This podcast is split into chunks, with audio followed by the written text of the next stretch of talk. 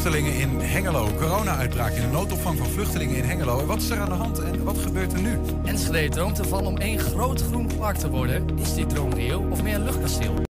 De, het bedje op de achtergrond, Mick, moet heel iets Oh ja, sorry, ja, het is mijn eerste keer. Nee, ja, dat maakt niet uit. maakt niet uit. We, we, aldoende leert men. Medewerkers van Apollo Vredestein zitten opnieuw in onzekerheid... terwijl FNV-bestuurder Dino Djublic zijn best voor hen doet... in onderhandelingen voor een nieuwe CAO met meer zekerheid. En carnaval staat voor het tweede jaar op rij onder druk. We vragen de Enschedese carnavalsvereniging of en hoe het alaaf bij hen gaat klinken. Het is woensdag 10 november en dit is 120 vandaag. 120. 1. 120 vandaag. Het is eh, vandaag eh, de dag na part 2 zeg maar, van de begrotingsbesprekingen in eh, Enschede. Het begrotingsdebat begon maandag en had gisteravond zijn vervolg. Beide avonden was collega Wilco Lauwers daarbij. Gisteren spraken we er al even over.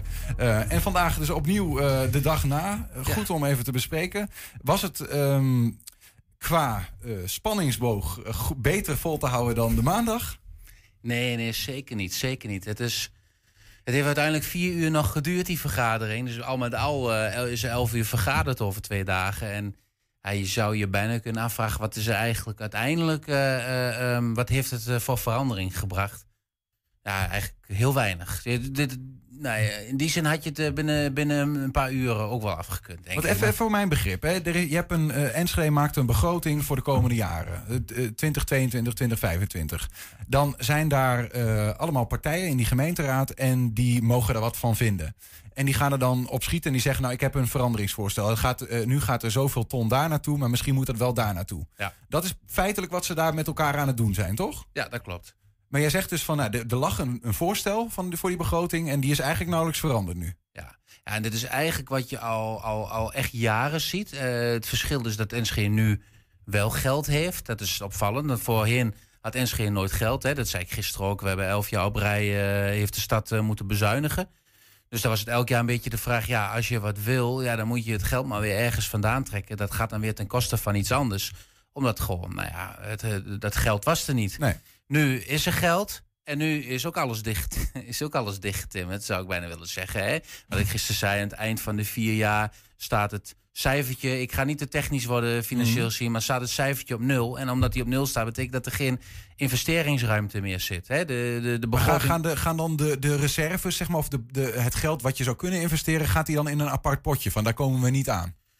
Ja, nou ja, je hebt een, spaarpot, hè, de algemene reserve. Je hebt eh, ook andere spaarpotjes in zo'n begroting zitten. Je hebt Mhm. eh, structurele eh, gelden die je ergens aan besteedt. En je hebt ook elk jaar, nou, soms gebeuren er dingen in een jaar. Of je verwacht iets in een jaar dat je iets extra moet vervangen. En dan moet dan eenmalig geld naartoe. En zo, zo krijg je die balans in die, in die begroting. En uiteindelijk is het de bedoeling dat je dus boven de nul eindigt. Heb je geld over. Ja. Maar je moet in ieder geval op de nul eindigen. Als je na vier jaar niet op de nul eindigt, maar onder de nul, dan kom je dus geld tekort. En dan gaat de provincie zeggen, nou, dat is niet zo best. Ja, maar er, er zit wat meer geld in het vat. Ja. Eh, we kunnen investeren. Maar zijn dan er ook niet partijen gisteren of eergisteren die bijvoorbeeld zeggen... nou, ik heb wel een goed idee, ehm, doe het maar hier naartoe. Ja, absoluut, die zijn. En dat zijn vooral de oppositiepartijen. En wat je ziet is dat er een heleboel eh, moties en amendementen worden ingediend. Hè. Dat zijn die wijzigingsvoorstellen, wat je zei.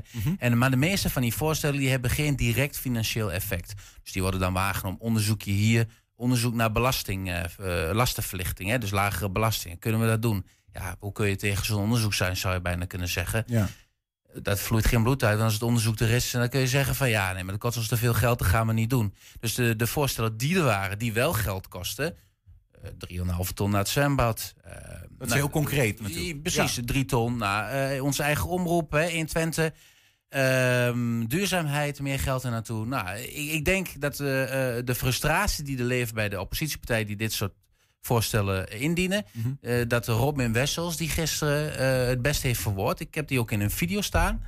En als het goed is kunnen we daarna gaan kijken. Robin Wessels De van wethouder GroenLinks. Financiën heeft er in de ogen van GroenLinks... bij de adviezen over de raadsverstellen een schetsvertoning van gemaakt. De raad heeft budgetrecht en die behoort We gerespecteerd hebben hier nog geen beeld. Het geeft dan ook geen pas dat de wethouder algemeen, dat de algemene middelen en reserve als dekking consequent worden afgekeurd door wethouder Nots als de ruimte er gewoon is. In 2025 hebben we een algemene reserve van 53,8 miljoen en een weerstandscapaciteit nodig van 45,9 miljoen. Dat betekent dat we vol- volgens onze eigen regels nog 7,9 miljoen euro bestedingsruimte hebben. Daarnaast geeft de wethouder middelen ook nog meermaals aan... dat er nog veel positieve risico's in de verwachting liggen. Op welke basis denkt de wethouder aan te zeggen... dat een dekking uit de algemene middelen gewoon niet zou kunnen? Deze hele periode worden keer op keer voorstellen van de oppositie... door het college afgewezen omdat de dekking niet zou kloppen. Het klinkt als een plaat met de barst erin... En het lijkt op een smoes om maar niet inhoudelijk op voorstellen in te hoeven te gaan. En het voelt gewoon als tegenwerking van de oppositie. Als het college geen goede inhoudelijke argumenten heeft om een voorstel af te raden... en we de financiële ruimte hebben om een voorstel uit te voeren... dan hoort het college op zijn minst een neutrale houding ten opzichte van het voorstel in te nemen. En als het college echt ergens een fout ziet in de dekking... maar aangeeft het voorstel zelf wel sympathiek te vinden... nou, denk dan eens een keer mee... in plaats van alleen maar te zeggen kan niet, kan niet, kan niet, kan niet. Ik, als ik het eh, kan uh, proberen te parafraseren, wat hij hier zegt, is: wij doen als oppositie uh, voorstellen. Ja. er is geld. Um, maar die voorstellen worden eigenlijk structureel afgewezen. En we horen ook niet eigenlijk goed waarom. Nee, klopt. Eigenlijk, uh, dit, dit is de frustratie, denk ik, wat je hier hoorde van Robin van drie, bijna vier jaar uh, in die oppositie. Hij speelde, zit al wel lang in de oppositie, maar van de afgelopen vier jaar, misschien wel de afgelopen acht jaar. Um, telkens als er voorstellen worden gedaan, dan kan het niet. Hè? Er is geen geld. Er is geen geld. Uh, je moet met een dekking komen. Uh, en dat wil zeggen, als jij een voorstel doet, dan moet elk jaar uh, drie ton naar het zwembad. Ik zeg je even wat. Elk jaar drie ton naar het zwembad. Oké, okay, prima. Als je dat wil, dan moet jij dus bij, zegt het college, moet je dus aangeven -hmm. waar je dat geld elk jaar drie ton vandaan haalt. Dus zeg het maar. ga je de parkeertarieven nog eens met 10 cent verhogen een jaar lang, een extra 10 cent. Want dan heb je uh, ongeveer drie ton extra aan inkomsten bijvoorbeeld. Uh, ga je een zwembad sluiten? Zou kunnen. Hè? De brug in het verleden was ook ongeveer drie ton per jaar. Uh, maar eigenlijk is dat oneerlijk wat daar gebeurt. Hè? Het, de raad heeft het budgetrecht, zoals dat heet. De raad kan voorstellen indienen. Het is dan aan het college. Zij zijn de bestuurders. De raad is de baas. Het is aan het college om daar een dekking bij te zoeken. Ja, om te bepalen en om hoe dat geld dan geschoven wordt. Ja, ja. Ja, en dan met voorstellen naar de raad te komen. Natuurlijk, je kunt wel een richting aangeven. Zoek het daar. Zoek het in de algemene reserve, in de spaarpot. Als het Mhm. eenmalige investering is, kan dat bijvoorbeeld. Ja. Ehm, en de Rome geeft hij ook heel terecht aan. De gemeente heeft wat ruimte overgehouden.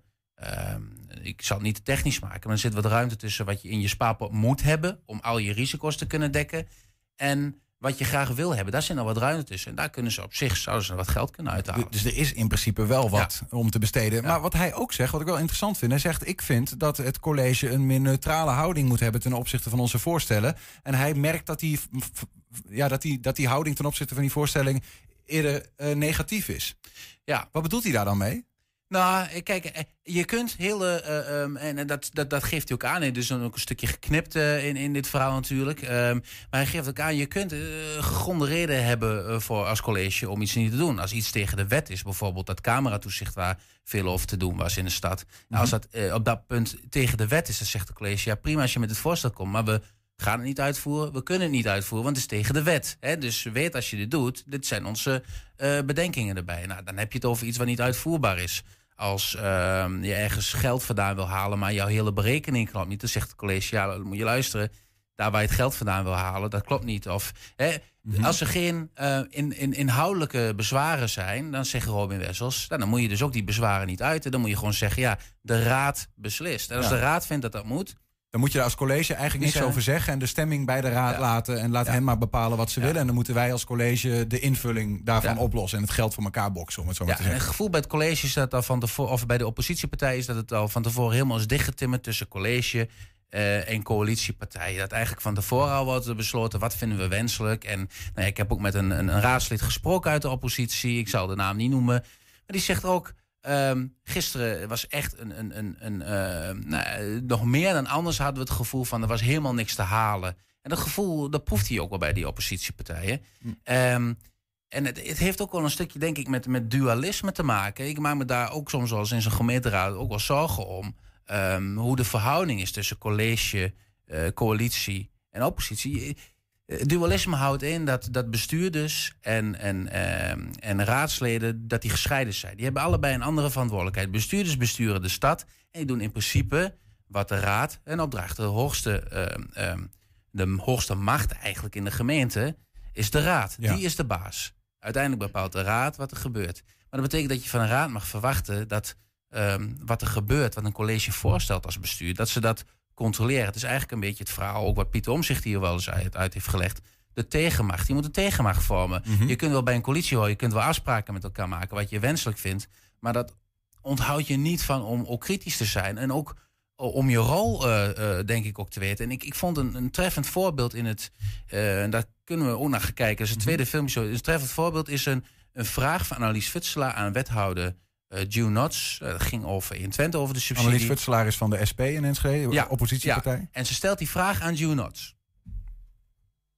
we- Maar we willen toch een onderzoek. Nou ja, goed, doe, doe dat onderzoek dan. Eh, maar ik zou zeggen, ja goed, neem ten minste eh, de motie aan van eh, GroenLinks. Dan hebben we in ieder geval zekerheid dat 21 nog één jaar bestaat. En ik begrijp niet waarom dat geen goedkeur kan wegdragen van, eh, van de wethouder. Ik gaf u er net al aan dat het voorstel van BBE is om eerst een onderzoek te doen om precies te weten waarover we het hebben.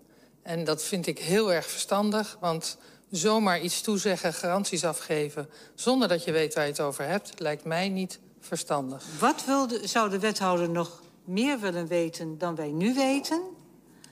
En wat voor consequenties, wanneer heeft dat consequenties voor het wel of niet eh, steunen van de omroep? Eerst de heer Teutelink nog, want anders dan is de verduidelijking helder... en dan kan de wethouder antwoorden. Ja, ik, ik merk dat er met de wethouder wordt gedebatteerd over een voorstel wat wij hebben gedaan. Dus dat is een beetje bijzonder eh, in dit geval.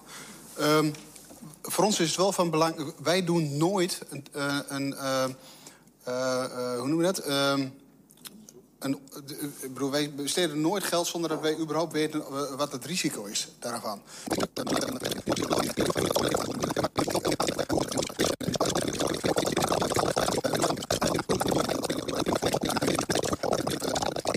Dat betekent niet hè, dat wij het willen uitstellen. Dat betekent ook niet dat wij 21 kapot willen laten gaan. Dat is juist, wat ons betreft, eh, eh, een, een- onderzoek waard... om daar gewoon een goede manier een besluit over te nemen. Dat doen we bij, bij elke organisatie die wij ondersteunen met ons geld.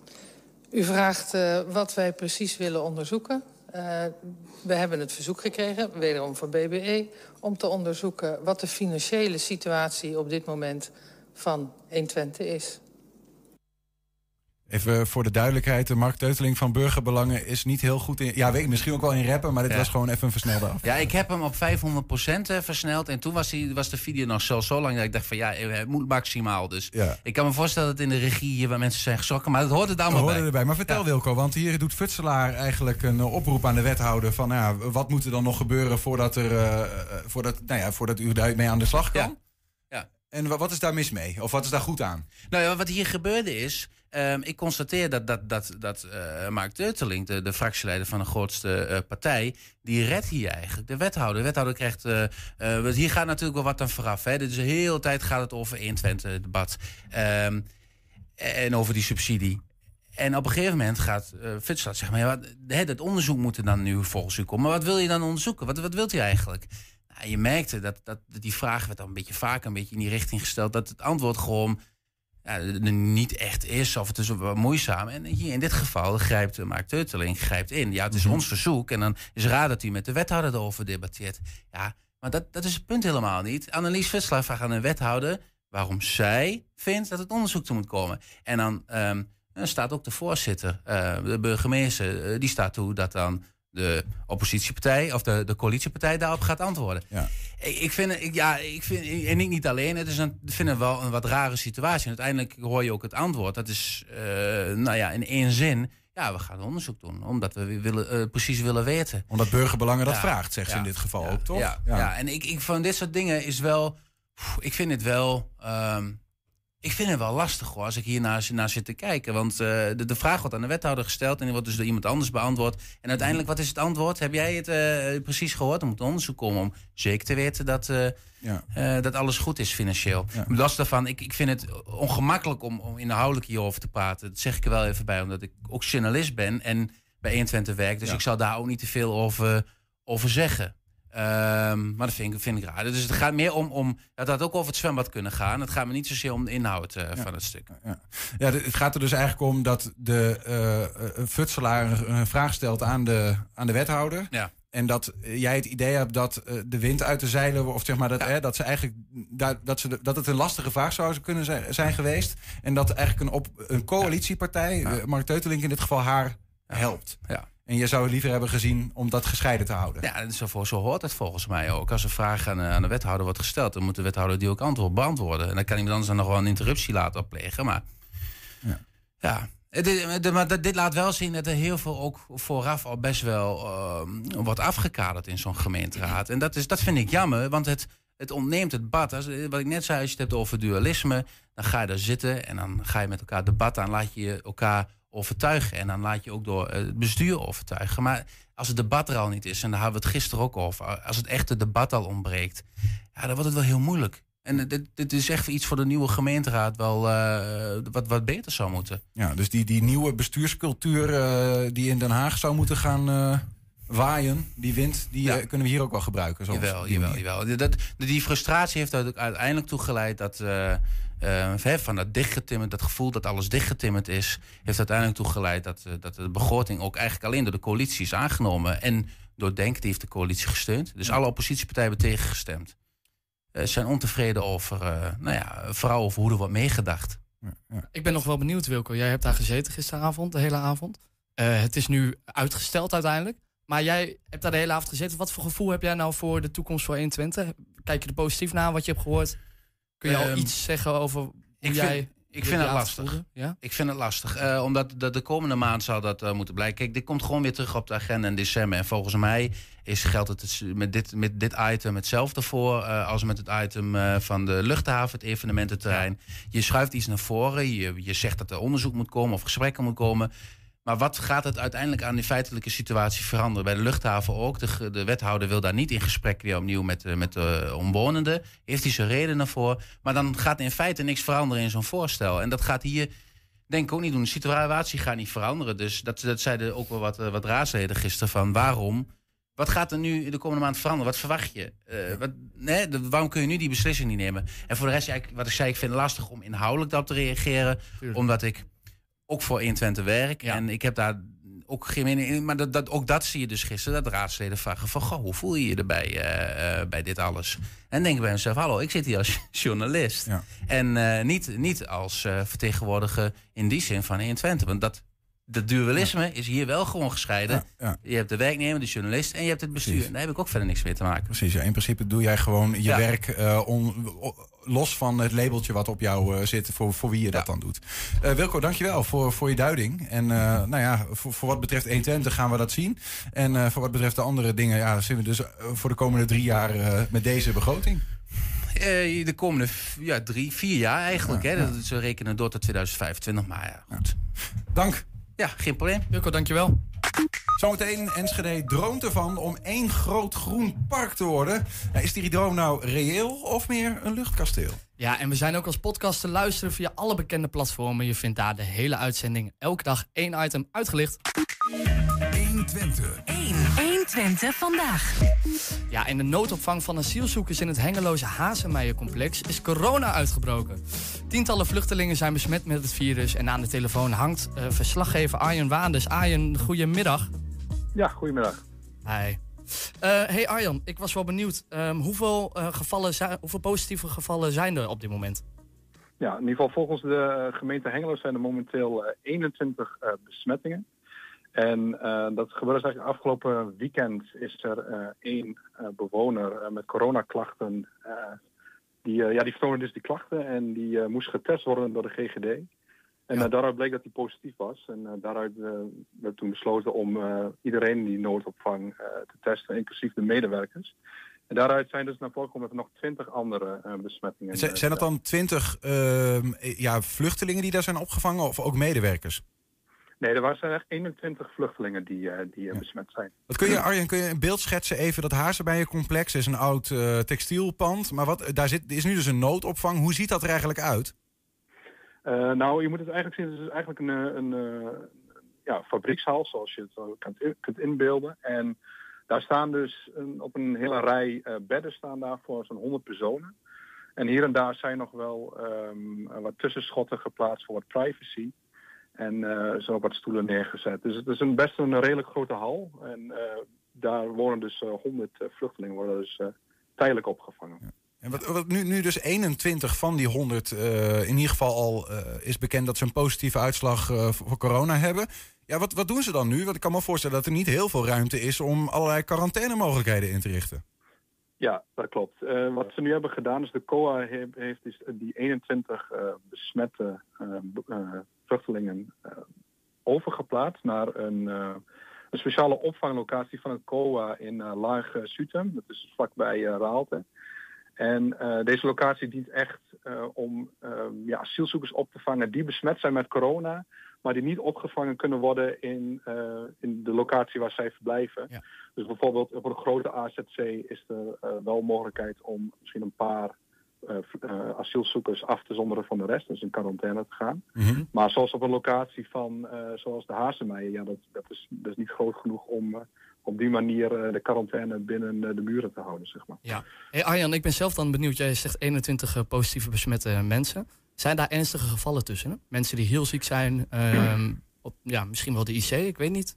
Hoe moet ik dat voor me zien? nou, ik, ik, ik heb het wel nagevraagd, maar ik heb daar niet echt een antwoord op gekregen. Ehm, wat wel zo is natuurlijk dat de anderen eh, die negatief getest zijn in het, uh, het die eh, moeten allemaal in quarantaine. Dus zij verblijven dus ook allemaal eh, binnen in die noodopvang. Ja, ja. En die worden dus aankomende zondag worden, worden die weer opnieuw getest. En worden de medewerkers ook weer opnieuw getest. En dan wordt er gekeken of er weer een, op een nieuwe besmettingen bij zijn gekomen of niet. Ja. Want er is, er- vooraf is er een soort van angst uitgesproken door een aantal raadsleden eh, in Hengelo. Die eh zei van ja, eh, wat als er corona uitbreekt en kunnen die mensen dan. want hè, zijn ze wel allemaal gevaccineerd? Hebben we daar zicht op? En kunnen ze dan zomaar naar buiten? Maar je zegt dus eigenlijk van ja, nu is dat. Ja, ze zitten daar met elkaar gewoon in quarantaine. Ja, klopt. En eh, ze mogen dus ook niet, eh, ze kunnen wel even naar buiten, dus dat is eh, dus vlakbij het pand zelf, kunnen ze dan wel even naar buiten heen. Maar ze, ze mogen niet heel ver weg of de stad ingaan bijvoorbeeld.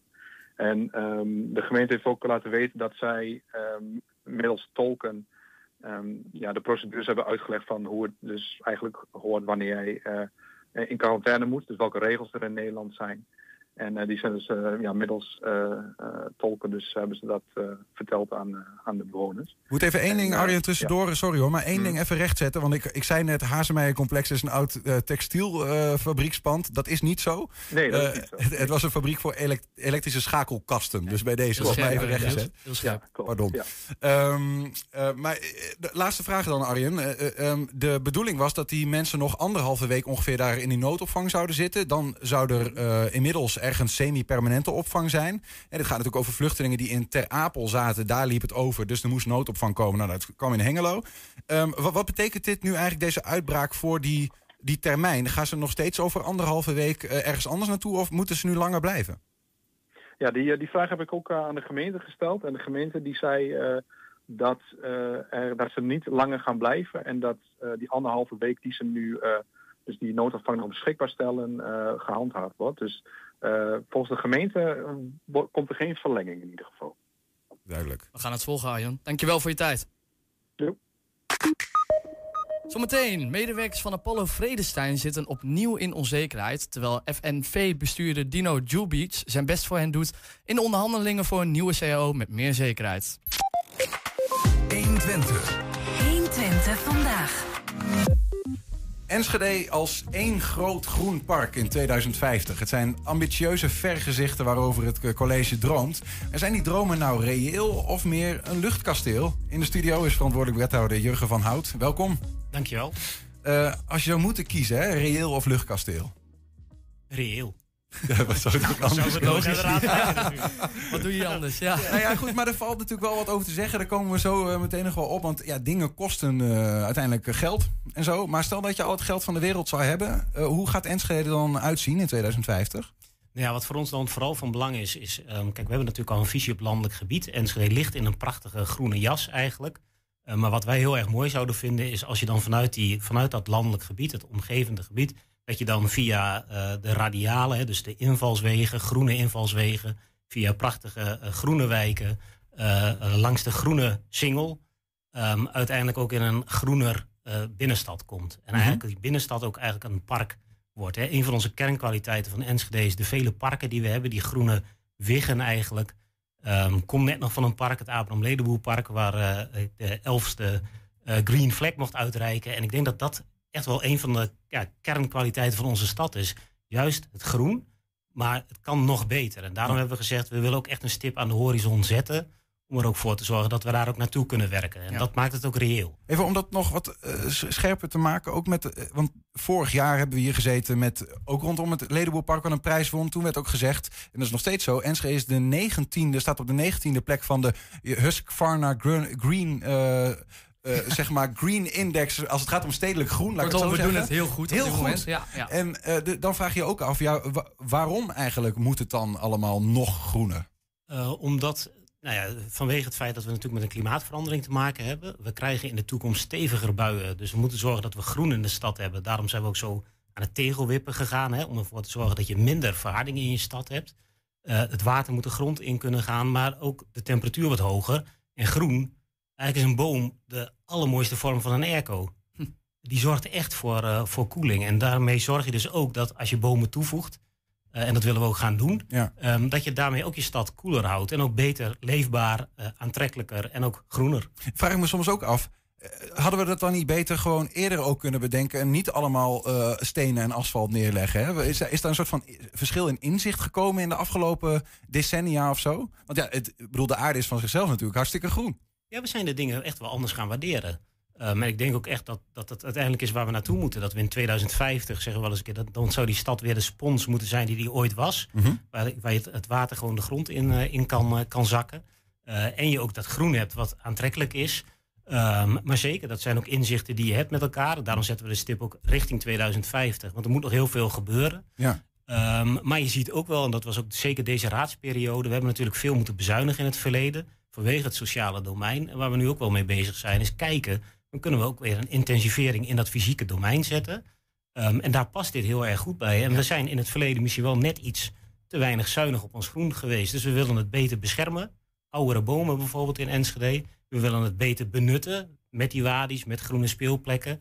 Ehm, en waar we gaan bouwen en waar we uitbreiden, willen we dat dus op een andere manier doen dan dat we dat tot op heden hebben gedaan. Dus ook echt meer met groen beginnen dan dat groen aan het eind van een nieuwbouwproject bijvoorbeeld komt. Ja. ja, we zien hier in de studio beelden achter jullie eh, staan met hoe het uiteindelijk eruit moet gaan zien. Hoe lang gaat het ongeveer duren allemaal? Wat is de tijdsplanning voor wat nu het plan is? Het allermooiste trouwens van dit plaatje is dat we ook een plaatje hebben zonder dat groen. Hè? Kijk, Eh, ja. En dus dat je dan ook echt ziet van nou, wat contrast. is dan de toevoeging Ja. wat is dan de waarde daarvan.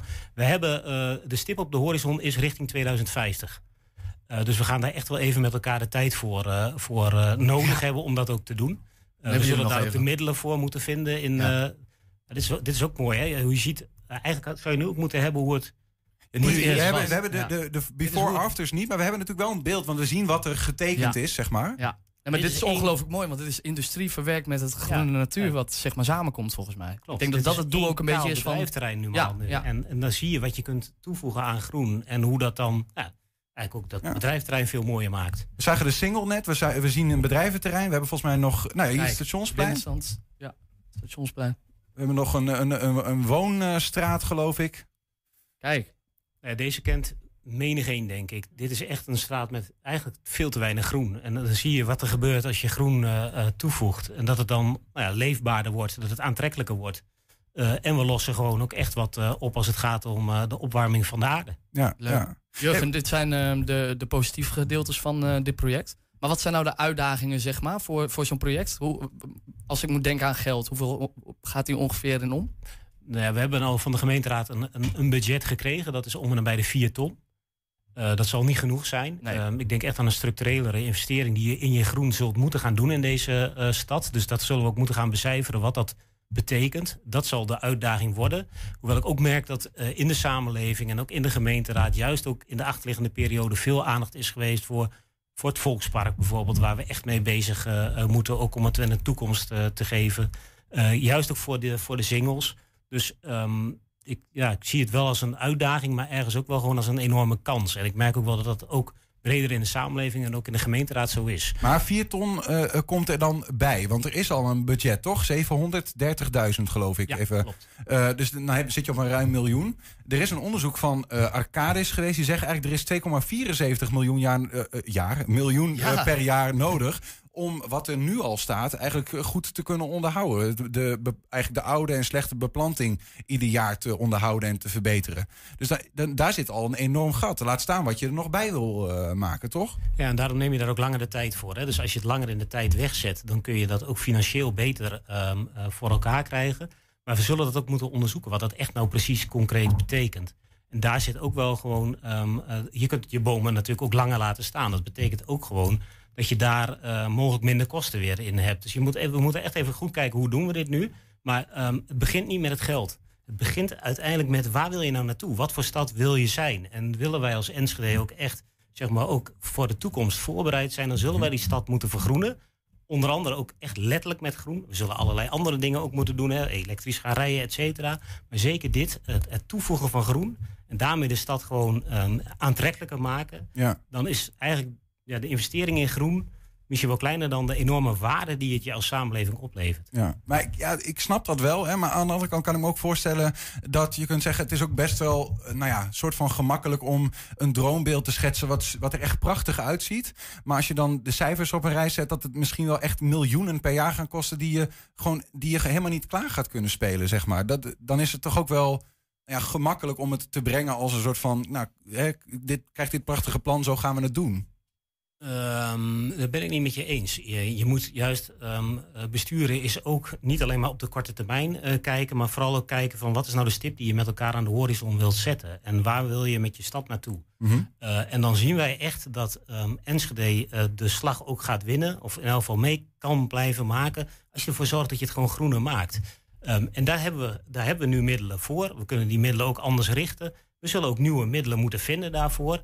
Ehm, maar die vind je ook makkelijker als je een ambitie hebt en als je die vastzegt. Dit is ook een verhaal voor mij om richting de provincie te kunnen, om richting het Rijk te kunnen, om vervolgens ook cofinanciering op de plannen die we hebben eh, eh, te halen. Dus je doet dat ook niet alleen. Ehm, plus, ja, het is ook gewoon voor mensen die naar Enschede komen en in Enschede willen wonen. Ja. Eh, Je wil in de toekomst in een groene stad wonen. Dat Think gaat- big. Ja. Ja. Think big. Eh, Denk groot. green. Ehm, think green. Je, de 400.000 komt er al bij. Dat is een van de dingen die al, eh, nou ja, in, die, die een zet in de goede richting zijn. Absoluut. Eh, zijn er nog meer dingen die al, nou ja, die, die deze ambitie al iets eh, vooruit helpen, zeg maar? Ja, ik denk dat eh, ehm, vooral het feit dat we nou deze stip met elkaar zetten. En, en even voor de duidelijkheid, we moeten hem nog bespreken met de gemeenteraad. Mhm. Hè, van of de gemeenteraad hier ook akkoord op geeft. En of dit nou de punten zijn. Het gaat om de parken, als het gaat om de singles, als het gaat om het groen in de wijk. eh, waarvan wij zeggen van daar zouden we op. En die groene binnenstad, daar zouden we primair op moeten gaan inzetten om Enschede groener te maken. Eh, maar dan, ja, dan, dan gaat het ons denk ik wel enorm helpen. Ja, ja. want ik begrijp ook dat die, eh, eigenlijk de 170.000 eh, bomen die zijn toegezegd. Dat is ook een plan wat de, waar de gemeenteraad al ja op heeft gezegd. Voor iedere inwoner een boom. Dat is ook een soort van onderdeel van deze ambitie, right? Die, Ja, die absoluut. Is ook al Ja. toegezegd. We hebben nu 160.000 inwoners. Wij produceren met z'n allen eh, enorm veel CO2. Elke boom ja, die helpt daar weer in de strijd daartegen. Ehm, en dat gaan we ook. eh, ik heb net een, een aantal bomen weer geplant eh, in, eh, in, in Stadsdeel West. eh, bij de Stadsbeek. Ehm, we hebben een, een berg eh, ontvangen van, eh, van het Abraham Ledenboerpark. Dus elke boom is er dan weer één. Ja. Die voegen we toe. Ehm, en dat maakt ook gewoon dat we met elkaar straks in die groenere stad eh, ook mogen leven. Over die bomen gesproken. Er is een vrouw in onze stad die zich erg druk maakt om de bomen. Karin Vaneke, je kent Ja. haar vast. En ook koffie. Ja, zeker. Ook over koffie. Maar ze zegt van, weet je, een eh, de, goed onderhoud van een boom kost ongeveer 100 euro per boom per jaar. Als je dan 170.000 bomen bijplant, heb je daar eigenlijk ook al 1,7 miljoen euro voor nodig. Ja, maar je moet niet kijken naar wat een boom kost. Je moet kijken naar wat een. Het is wel van belang hoor, maar Ja. je moet ook kijken naar wat die je oplevert. Ehm, en ehm, stel je voor dat je geen airco's eh, overal in je stad zou hebben, maar dat je die natuurlijke airco zou hebben, dan scheelt je dat enorm veel energie.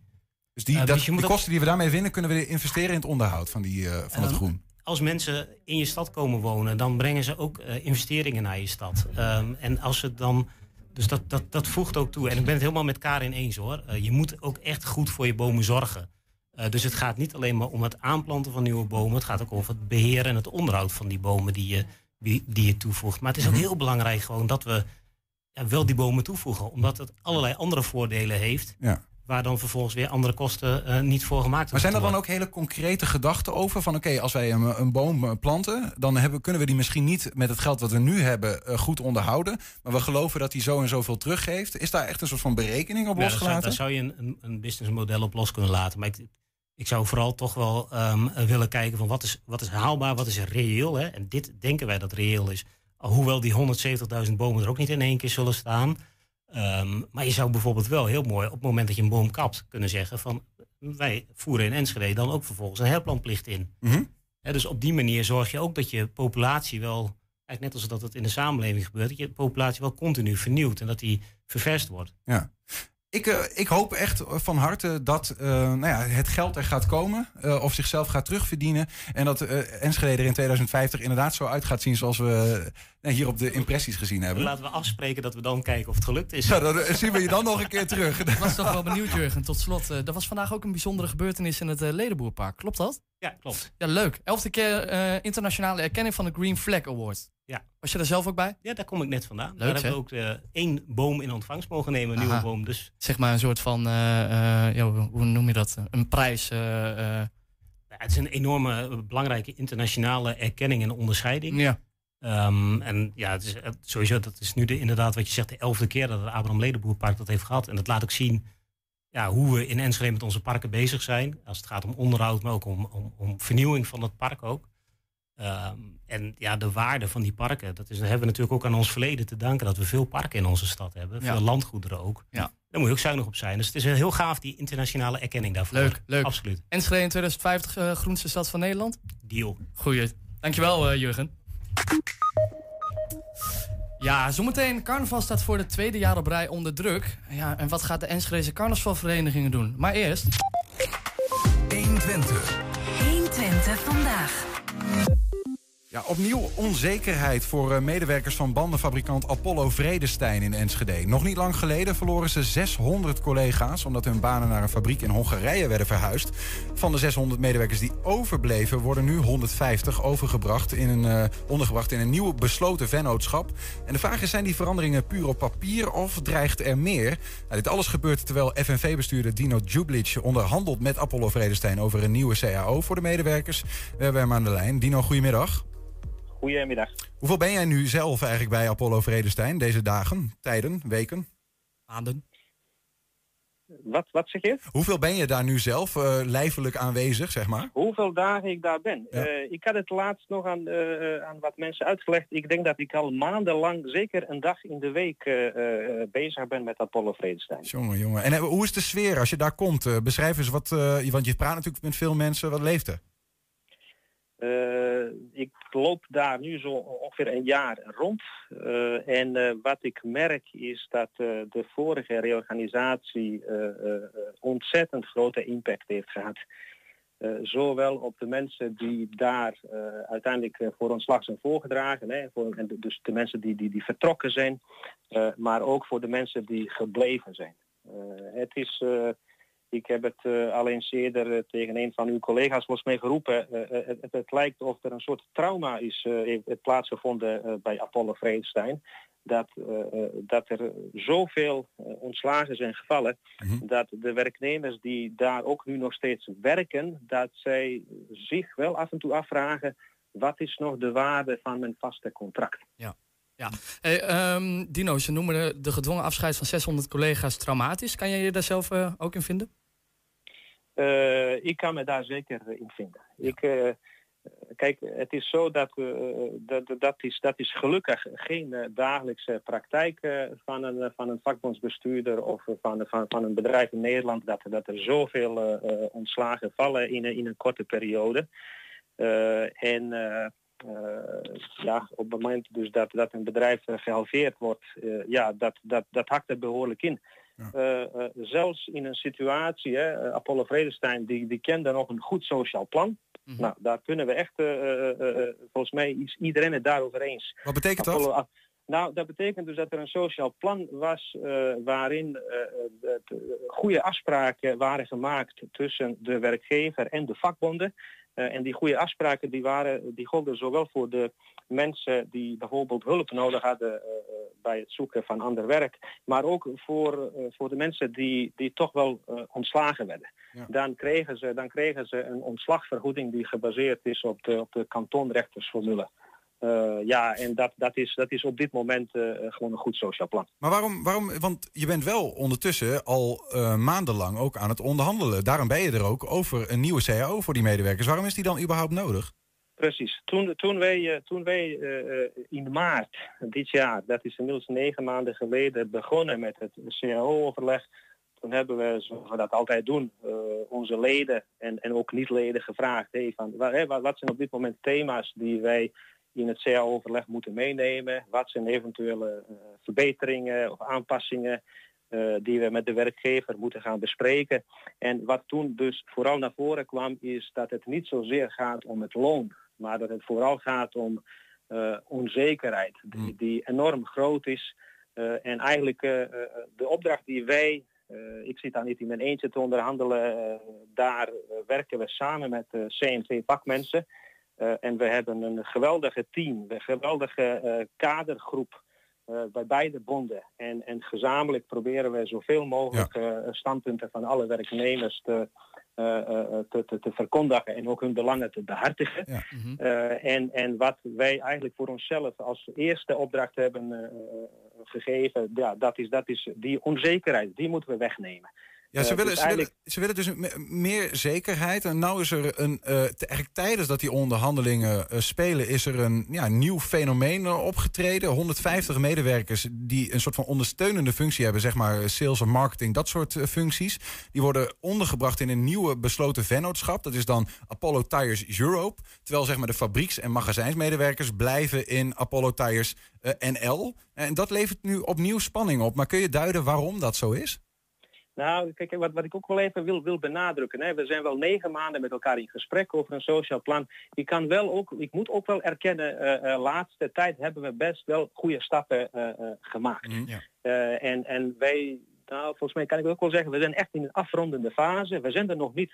Een aantal belangrijke hobbels moeten we nog wel met elkaar nemen. Uh, uh, dus dat moet ook wel gezegd worden. We zijn nu echt wel een goede draai aan het maken. Alleen, ja, uh, daar, dat moet ik wel erbij zeggen. Het moment waarop nu bij de ondernemingsraad een aanvraag wordt ingediend om weer iets te wijzigen in de organisatiestructuur, ja, dat valt erg ongelukkig. kan en, me voorstellen. En het is, het is volgens mij ook best begrijpelijk dat heel veel werknemers zich dan meteen afvragen, hé, hey, wat is er nu weer aan de hand? Hè? Er wordt nu eindelijk uh, bepaalde zekerheid wordt gecreëerd uh, omdat de vakbonden nu uh, ja, in goed overleg zijn met de werkgever. Ja, en nu weer dit.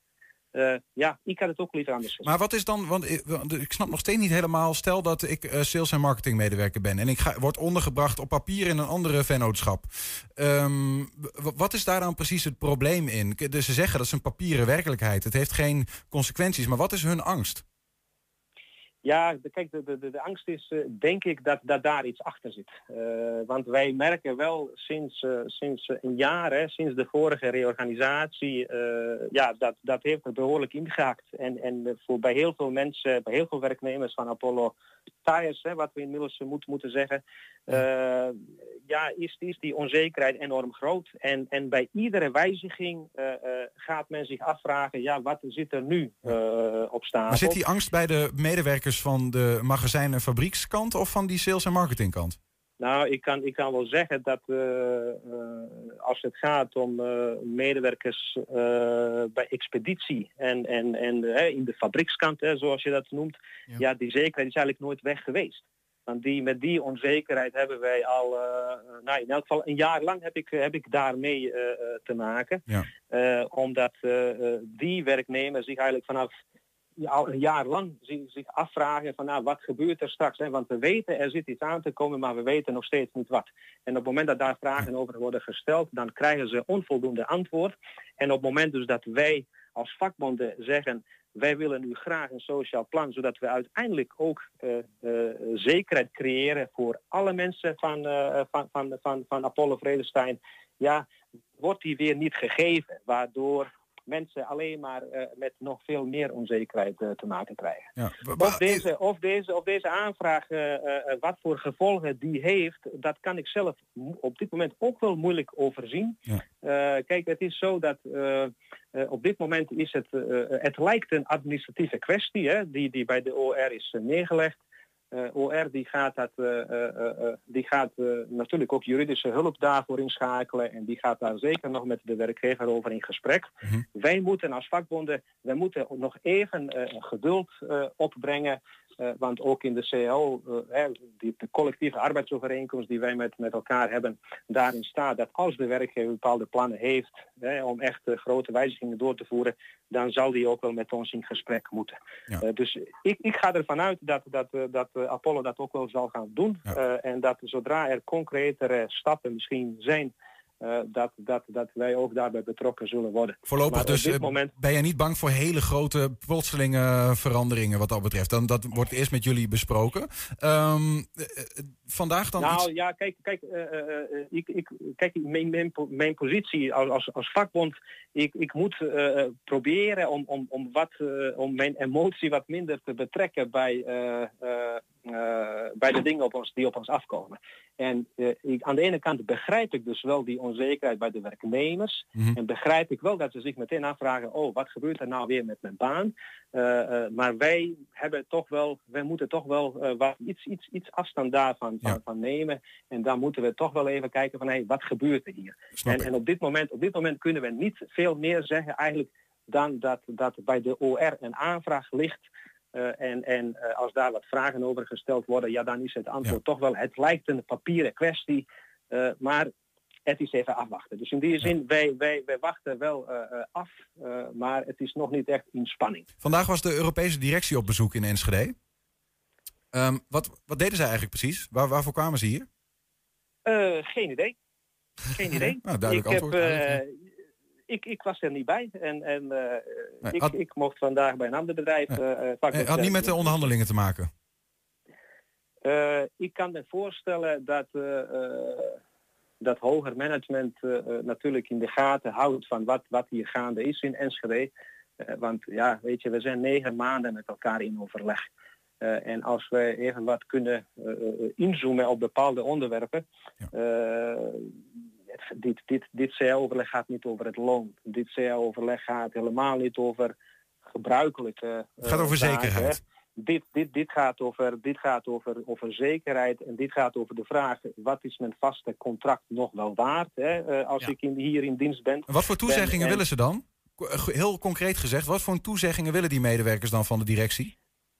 Medewerkers die willen, eh, eh, die willen eh, zekerheid dat ze komende vijf jaar in dienst zullen blijven.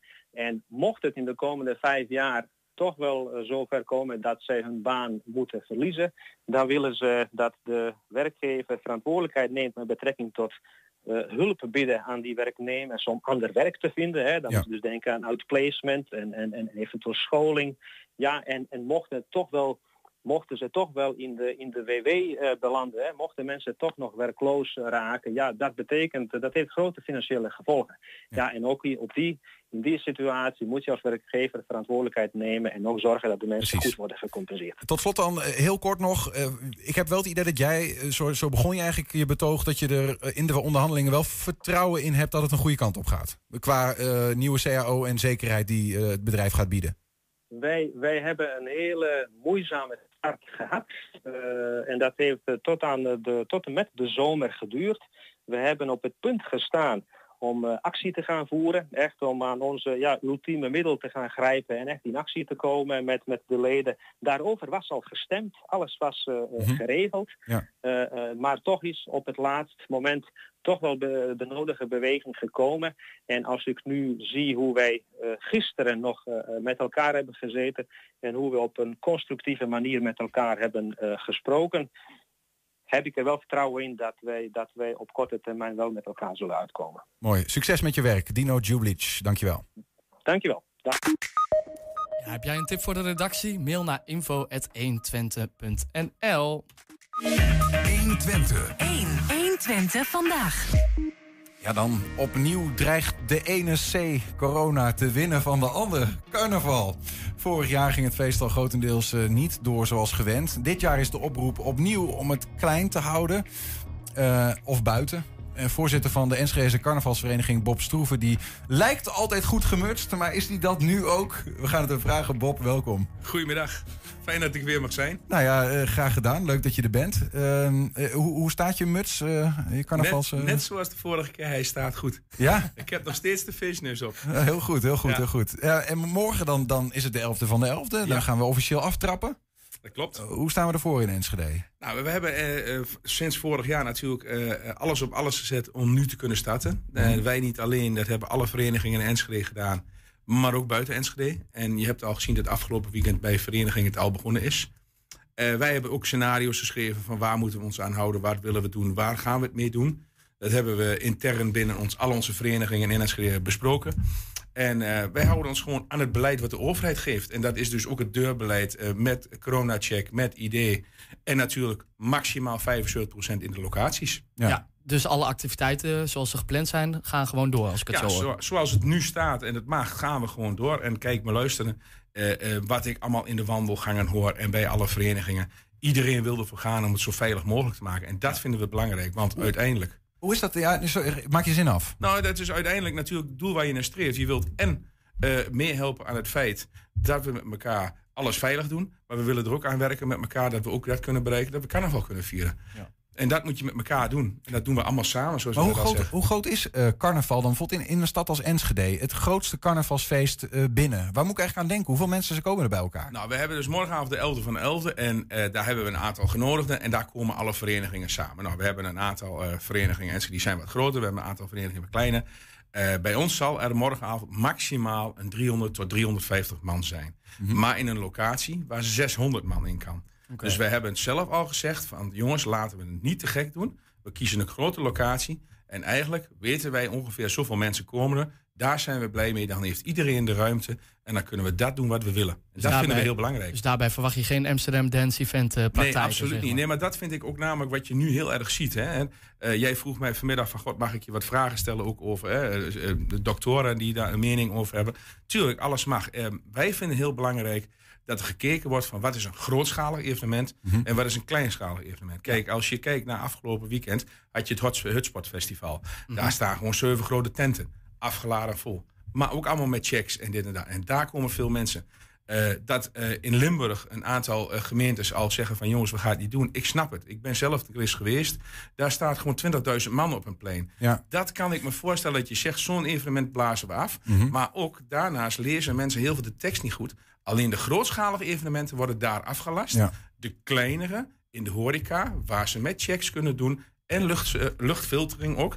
Daar Ja, en daar schaar je die, de Enschedeze carnavalsevenementen in principe eh, ook onder. Dus. Nou, gewoon onder Ja. de kleinschalige Ja. evenementen. Kijk, bij ons is dat al vrij groot. Kijk, ga ik naar Oldenzaal toe. Ja, daar komt, hè, het stond gisteren in de krant, tussen de 700 en de max 900 man. Maar dan pakken we Café Rauwast. En dat is, daar kan, als ik goed heb begrepen, 1600 man in. Ja. Ja. Dus die gaan ook al bijna voor de helft. Wij zetten alles in om alles veilig te doen. Maar we willen het wel door laten gaan. Ja. Laten we heel even, want eh, je, je, je noemt hem zelf al even. Zometeen we echt heel erg graag met je nog praten over de, over de inhoud. Wat dat betreft over carnaval en wat Ja. jullie dan gaan doen. Maar kort even, want je noemt hem zelf al. Jan den Boon, hij is voorzitter van eh, eh, het bestuur van MST in Enschede. Ehm, maar ook voorzitter van het acute zorgoverleg in de regio. Ja. Ehm, ja, en hij doet eigenlijk ook die oproep van jongens, hou het eh, klein of hou het buiten. Heel even luisteren. evenementen buiten, daar, dat daar de kans dat daar veel mensen uiteindelijk ziek van worden en naar de ziekenhuizen komen toch relatief gering is. Dat geldt ook voor eh, hele kleinschalige feesten. Maar de grootschalige feesten, het kan niet anders dan dat daar toch weer besmettingen optreden die leiden tot eh, ziekte. En eh, nou ja, ik vind het een eh, probleem van ons allemaal. Want zoals gezegd, ik, het is heel belangrijk dat we kunnen feesten. Maar het is ook wel de verantwoordelijkheid, denk ik, van de carnavalsvereniging om zich te bezinnen. En eh, ja, als er een eh, outbreak management team verbonden zou zijn aan de carnavalsverenigingen... dan zouden ze toch waarschijnlijk negatief adviseren om deze feesten door te laten gaan. Ik kan me in de eerste plaats ontzettend eh, goed voorstellen dat mensen toe zijn aan feest. Misschien ook wel om alle ellende uit het voorbije jaar van zich af te feesten. Eh, maar neemt niet weg dat we ons toch wat, eh, wat zorgen maken. Ziekenhuizen zijn al zwaar belast op dit moment. En we zien met name eh, voor de grootschalige inpandige festiviteiten... zien we toch wel grote risico's. Ja. Wat ik me hierin afvraag, Bob. ehm, eigenlijk legde Jan den Boon de, ja, de verantwoordelijkheid bij de carnavalsverenigingen. Je zegt zelf van, nou, die nemen we, want we hebben geen grootschalige binnenevenementen. Hè? Nee. Ehm, maar ja, ik weet, ken je ook een soort van concreet aantal? Want hij zegt, ja, hou het klein, maar wat is dan klein? Eh, Hoe vind je dat eigenlijk, dat die verantwoordelijkheid bij jou wordt gelegd... en dat jij dan dat soort van moet bepalen? Nou, kijk, de, eh, we moeten verantwoordelijkheid nemen. Die nemen we. Eh, eh, wij hebben gewoon gezegd van, we luisteren, eh, eh, in de horeca mag 75% benut worden en klaar. Wij hebben gewoon gezegd van, waar, hoeveel mensen krijgen we ongeveer? Eh, wij hebben gewoon gezegd van, nou, in onze locatie mag over de 600 man. Wij vinden 350 man, wat wij ongeveer denken wat komt. Nou, is dat prima. Dan kan het. Dan heeft iedereen de ruimte. We houden daar ook rekening mee. Binnen overheidsrichtlijnen. Binnen overheidsrichtlijnen gaan we daarmee uit. En dat, dat vind ik ook zo mooi, eh, zoals die meneer ook zegt. Ehm, hij geeft aan grootschalige evenementen. Hou ze niet. Nou, dat doen we niet. Eh, maar hij, het mooiste vind ik, hij zal er niet bij zeggen van... als je daar een kleinschalig evenement houdt... doe het dan maximaal tot drie of tot 500 man. Dat, ze geven het niet aan. Het is alleen, je wordt alleen maar gesproken over grootschalige evenementen. Ja. Maar wat zijn Maar vind je dan- dat lastig? Eh, lastig vind ik het niet, want we moeten zelf keuzes maken. En die keuzes maken we zelf en dat doen we zelf. En eh, daar gaan we met z'n allen voor. En ik hoor ook niemand die zegt van... eh, ook al mag ik komen of mag ik niet komen... iedereen doet gewoon wat hij moet doen. En dat is het belangrijkste, daar gaan we voor. En we willen maar één ding, dat is met elkaar gezelligheid, feest... Op een veilige manier. En de gezondheid voorop. Juist, ja. Oké, strik eromheen. Even hupsakee. Weg met eh, dat geouwehoer over corona. Terwijl we het toch over moeten hebben. Inhoudelijk. Want het wordt gewoon carnaval vanaf morgen. Ik hoop het. Eh, maar op een iets andere manier misschien wel. Maar wat gaan we allemaal te zien in Enschede? Nou, we gaan gewoon morgen de aftrap geven met de 11e van de 11e. Morgenavond bij eh restaurant Partycentrum De Vrielen. Daar komt onze hoogheid morgenavond op. Daar gaan we natuurlijk eerder starten. Want normaal gesproken beginnen we om half negen. We gaan morgenavond om half acht beginnen. Omdat om 12 uur de horecazaken dicht moet zijn. Eh, daar trappen we morgen af. En daar komt de oude hoogheid van twee jaar geleden. Komt daar nog weer. En die moet nog aftreden. Dus dat is Die heeft een gewoon twee jaar die pet die- gedragen. die heeft twee jaar, ja, één jaar wel en één jaar gewoon in stilte. Alleen thuis op de bank. Maar Ja, dat is een unicum, denk ik, toch, Dat of is- niet? Ja, dat is in Enschede is de eerste keer. Ja. Dus dat is heel uniek dat, eh, dat we één jaar, eh, voor twee jaar een hoogheid die hetzelfde hoogheid was. Dus die, maar het Stadsprins Mark die treedt morgen af met zijn beide secretarissen. En rond half tien zal de nieuwe Stadsprins opkomen van 2022. En dat gaat een eh, grote happening worden, zo- zoals het er nu En wie is uitziet. dat? Dat ga ik je nog niet vertellen, want ik kan het je Oh. niet vertellen. Want ik zal je eerlijk vertellen, ik vind het een hele goede vraag. Want ehm, eh, voor het eerst in 30 jaar tijd weet ik niet wie het wordt. Ze hebben het echt, ik kan het niet anders zeggen. We hebben drie keuzes. hè. We hebben een grote keuzecommissie, maar er was een clubje van drie. Die hadden het alles al geregeld met, met de nieuwe hoogheid. En die hebben het echt ontzettend stilgehouden. En er is ook een ontzettende gok, eh, eh, eh, hoe moet ik het zeggen, van eh, iemand die weer dat wist. En dan schrijven ze het weer op en dan met elkaar. Met Wordt er geld op ingezet, Nee, of, er wordt eh? geen geld op. Nou, ik zal je het mooiste vertellen. Vorige week had ze dus eh, het installatie van de Raad van Elf afgelopen donderdag. Dat gaat al heel officieel.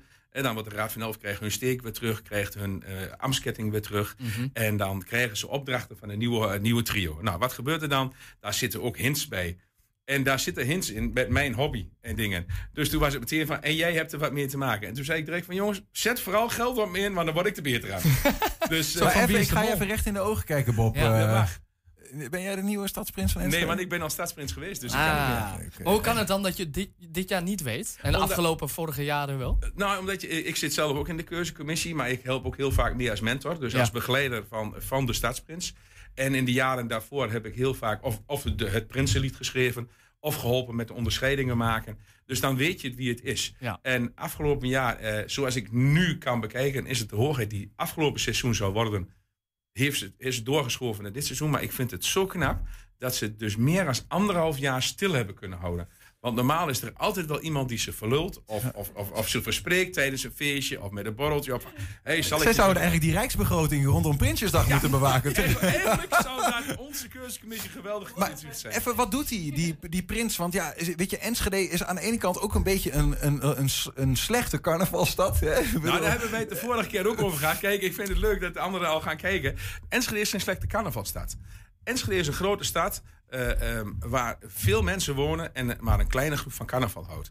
Ehm, Oldenzaal is altijd geprofileerd als de carnavalstad. En is daar ook in opgenomen met de Twentse carnavalsoptocht. Dus dat is automatisch is dat ontzettend gegroeid, ook door de sponsoren en ja, klaar. ja. Maar we respecteren elkaar allemaal. Zoals wij Oldenzaal respecteren, respecteert Oldenzaal ons. En dat is heel belangrijk. Maar dat doen we ook met Lossen, Denenkamp, De Lut. Waar we ook allemaal heen gaan met elkaar. We hebben allemaal respect voor elkaar en we zien elkaar. ook. wat, doet die, wat doet die stadsprins om ons even iets bij te brengen over... eh, Nou, de stadsprins is dus echt de, de prins van de stad. En Ja. eh, eh, eh, waakt over al zijn onderdanen. Dus ook onder de, onder de, kleine, de prinsen van Klinkt alle andere verenigingen. Ja. Is, is absoluut niet denigrerend. Ah, ja. En, en- en- want hij waakt erover. Maar hij is vooral één ding is heel belangrijk. Altijd in het carnaval is sociaal. En wat betekent sociaal? Dat weten we allemaal. We doen alles samen. Of het nou met jong, oud, eh eh, bejaard, eh, eh, verstandelijk beperkt. Overal gaan we met elkaar carnaval vieren om iedereen naar de zin te maken. En veilig. En veilig. Ja. absoluut. We hebben morgen gehad, maar het, ziet er nog, het traject gaat nog een stuk verder, toch? Is, er zijn nog meer dingen in, eh, in de hoge hoed? Nou ja, eh, kijk maar luister. Uiteindelijk gaat morgen bij ons de stadsprins opkomen. En dan, gaat dus af, dan is dus de aftrap.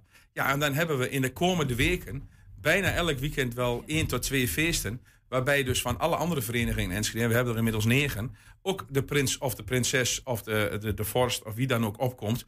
En daar gaan we ook allemaal naar heen. En uiteindelijk werkt daartoe, zoals ik het zei, werken we met z'n allen richting het grote carnavalsweekend. Waar we met z'n allen in een optocht kunnen lopen. Mhm. In februari. In februari. En Ja. optocht en gezellige middagen en avonden. En, eh, dus ja, we hopen dat we zoveel mogelijk kunnen doen. Ja, maar die, die optocht, om het daar even over te hebben, eh, hebben wij afgelopen, nou ja, wat is het, een paar maanden terug hadden we hier twee gasten die eh, eigenlijk duidelijk maakten van, we hadden twee optochten in Enschede, eentje in de binnenstad en eentje in Tekkelenveld, drie zelfs. Ja. Maar er, er is nog maar eentje over, toch? Nee, er zijn er nog twee over. Er zijn er twee we, over. We hebben, we hebben eh, de, de optocht in het centrum.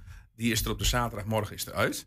En we hebben nou de week ervoor op de zondagmiddag is in Glanenbrug een grote optocht. Die is er ook altijd al jaren Ja, ja, geweest. ja, precies. En we hebben gezegd van eh, we gaan proberen met z'n allen. En ook met, met, met wagens en loopgroepen en alles van buitenaf.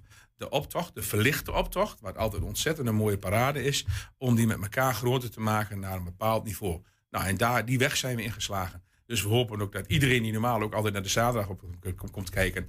Nu ook bij die verlichte optocht. Ja, En dat dan- Twekkelenveld. Ja, Ja. Twekkelenveld, ja. Ja, Bob, ik ben dan nog wel benieuwd, want ik hoor jou net zeggen twee weken carnaval. Ja. Eh, hoe groot acht jij de kans dat er in die twee weken tijd coronamaatregelen komen waardoor jullie feest toch eh, afgelast moet worden?